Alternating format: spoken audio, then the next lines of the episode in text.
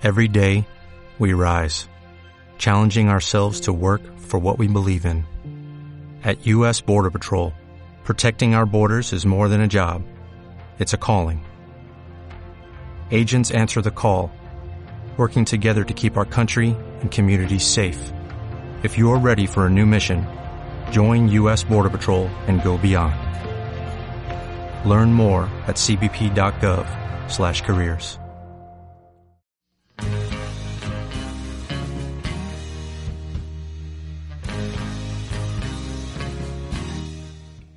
Descobrint la història, un podcast adreçat a tot l'alumnat de secundària i batxillerat i a tothom que vulgui refrescar els fets i els personatges fonamentals del nostre passat que són part del nostre present. A cada capítol hi ha una síntesi d'un tema dels moments més destacats de la història de Catalunya, Espanya i del món. Capítol 1. La crisi de l'antic règim, part 2. En la primera part del capítol he explicat quina és la definició d'antic règim, quines estructures de l'antic règim es mantenien encara al segle XVIII i, finalment, quin era el pensament de la il·lustració. Aquesta segona part es divideix en tres apartats. La primera, concreció de les idees il·lustrades explicades en la primera part en l'economia, la societat i la política, la segona part, quins canvis es produeixen al segle XVIII a nivell econòmic i social. I la tercera part, el despotisme il·lustrat.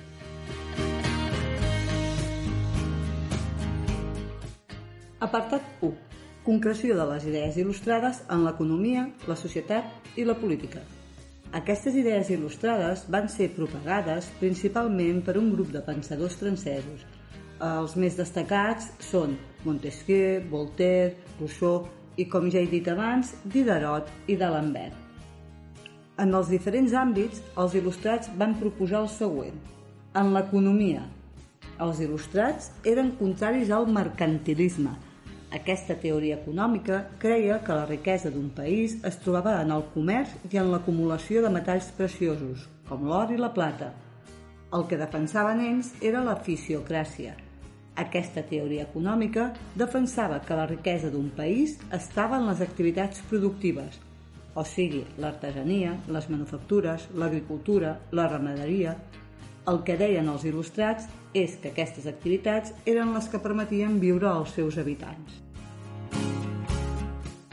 En la societat, eren completament contraris a la societat estamental, defensaven que ningú podia heretar o tenir privilegis en nom dels seus abans passats, o sigui, de la família en la qual naixies. Per ells, el que donava poder i privilegi era el diner, el capital, i no pas els títols nobiliaris. També defensaven la mobilitat social. D'on es venia, l'origen no era important. Els mèrits havien d'anar lligat a la vàlua de la persona i no pas a la família de la qual es venia. Això, a la pràctica, volia dir que els llocs de responsabilitat i de presa de decisió havien de ser per a aquells que haguessin demostrat la seva capacitat i no donar-los directament a membres de determinades famílies. A nivell polític, eren contraris a la monarquia absolutista i del despotisme il·lustrat. Ells defensaven el liberalisme polític aquestes idees les expressen principalment tres pensadors. El primer, Montesquieu, és qui defensa la divisió de poders en tres poders independents i separats, el poder legislatiu, el poder executiu i el poder judicial. Rousseau defensa la idea d'un contracte social entre els que governen i els qui són governats. Aquest contracte és la Constitució. També defensa la sobirania nacional, això vol dir que el poder surt dels ciutadans, que són els que escullen el seu govern. I el tercer pensador serà Voltaire. Voltaire defensarà la necessitat d'un Parlament que ha de limitar el poder del rei en cas que sigui una monarquia. Aquest Parlament és el representant legítim escollit pel poble. Les idees de tots ells van suposar la creació d'un nou model d'organització política i social que acabarà sent la base del liberalisme polític i de les revolucions liberals del segle XIX. En resum, el liberalisme polític es basarà en aquests cinc principis. Principi primer, sobirania nacional. Ja he explicat què era, però és molt important insistir en aquest concepte, ja que és la base. El poder recau i sorgeix del poble que l'expressa a través d'unes eleccions.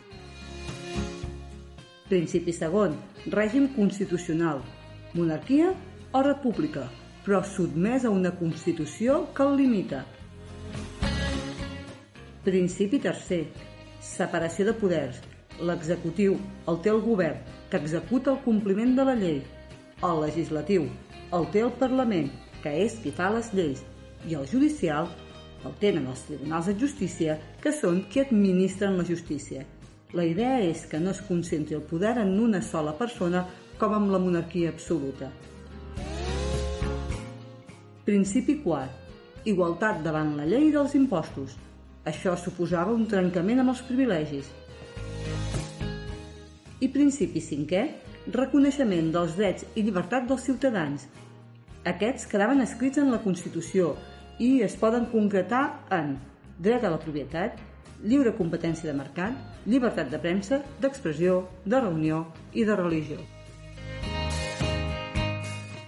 Apartat 2. Els canvis que es produeixen al segle XVIII. A nivell econòmic, el segle XVIII és un segle de creixement demogràfic i de millora general de l'economia. Això es deu a la fi de les grans epidèmies i de les crisis de subsistència, degut a l'augment de la producció agrícola.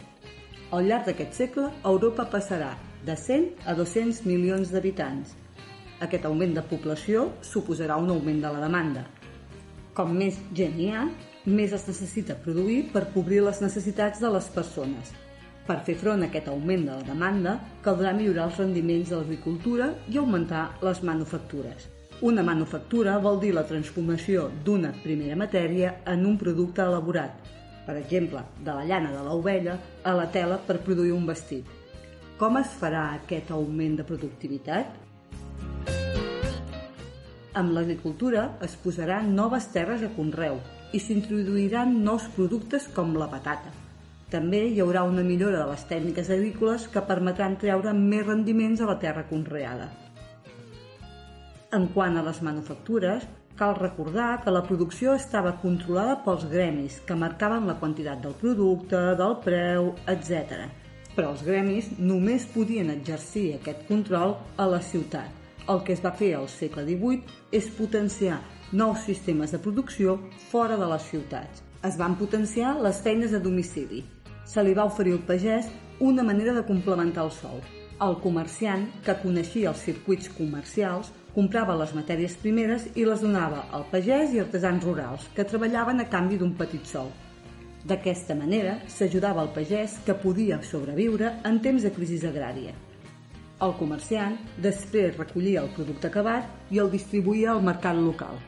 Més endavant, aquests comerciants, i per tal de baratir els costos, van anar agrupant treballadors en grans tallers. Això es van anomenar manufactures. En alguns casos, aquestes manufactures van ser potenciades per l'Estat. En quant al comerç, es venien els mercats urbans, però el que es va desenvolupar més en aquesta època va ser el comerç colonial, que era el comerç marítim amb els territoris no europeus. Al llarg del segle, aquest comerç tindrà un gran augment. Els països més implicats en el comerç colonial van ser Gran Bretanya, França, Holanda, Espanya i Portugal, que intercanviaven productes manufacturats per primeres matèries com el cotó, el tabac, les pells i el sucre. Aquestes matèries van començar a ser productes habituals a Europa. Aquest comerç es coneix com a comerç triangular. S'anomenava així perquè el circuit comercial formava un triangle. El primer vèrtex del triangle era a Àfrica. Allà es capturaven els esclaus que llavors es portaven a vendre a Amèrica, el segon vèrtex del triangle. Es venien concretament al Brasil, Carib i a les colònies angleses del nord. Aquests esclaus a Amèrica treballaven a les plantacions d'on s'extreia les matèries primeres que després es portaven a Europa, o sigui, el tercer vèrtex del triangle. Aquest comerç va generar grans beneficis i va fer que apareguessin banquers, mercaders, prestadors i també companyies comercials que eren organitzades per comerciants privats però tenien la protecció de l'Estat. Això volia dir que l'Estat els hi concedia algun privilegi, com podia ser el monopoli de comprar o vendre un producte. Canvis socials. Com ja he explicat, al llarg del segle XVIII hi va haver una pujada de preus. Aquest fet va fer empobrir els nobles, que vivien de la renda agrària, i, per altra banda, va enriquir a la burgesia, que era la responsable de la majoria de negocis que donaven més beneficis. Al llarg del segle van anar perdent pes econòmics els rendiments extrets de l'agricultura i van anar agafant molt pes la producció de béns, el comerç i els diners, el capital. Aquest és un dels factors més importants per entendre què passa al segle XVIII. Ens trobem que aquell element, considerat fins al moment el més decisiu per obtenir riquesa i privilegi social i que per tant donava dret a participar de la política i l'administració, deixa de tenir pes. La terra ja no és considerada important, ho passarà a ser el capital, i aquest ja no està en les mateixes mans de qui posseix la terra, el capital està en mans de la burgesia, que a partir d'aquest moment començarà a reclamar el seu dret a participar en la presa de decisions. Apartat 3. El despotisme il·lustrat. A part d'Anglaterra i les Províncies Unides, a la majoria d'estats europeus es mantenia el sistema de monarquia absoluta pròpia de l'antic règim. Tot i així, les idees il·lustrades van influir en alguns monarques i en els seus ministres, donant lloc al que es va conèixer com a despotisme il·lustrats. Alguns dels monarques influenciats per les idees il·lustrades van ser Frederic II de Prússia, Josep II d'Àustria, Caterina la Gran de Rússia, Gustau de Suècia o Carles III d'Espanya. Aquests monarques consideraven que el seu poder absolut havia de garantir el benestar del poble, però que calien reformes per mantenir-se en el poder davant l'amenaça d'una burgesia molt potent i del liberalisme polític.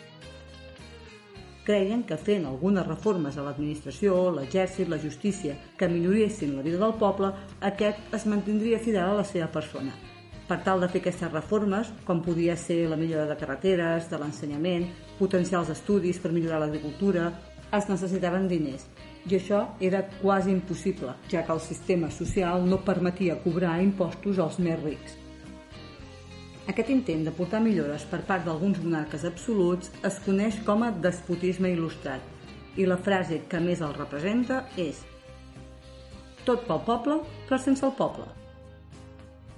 O sigui, voler fer actuacions a favor del poble, però sense renunciar als privilegis. I fins aquí el capítol dedicat al segle XVIII i per què va entrar en crisi.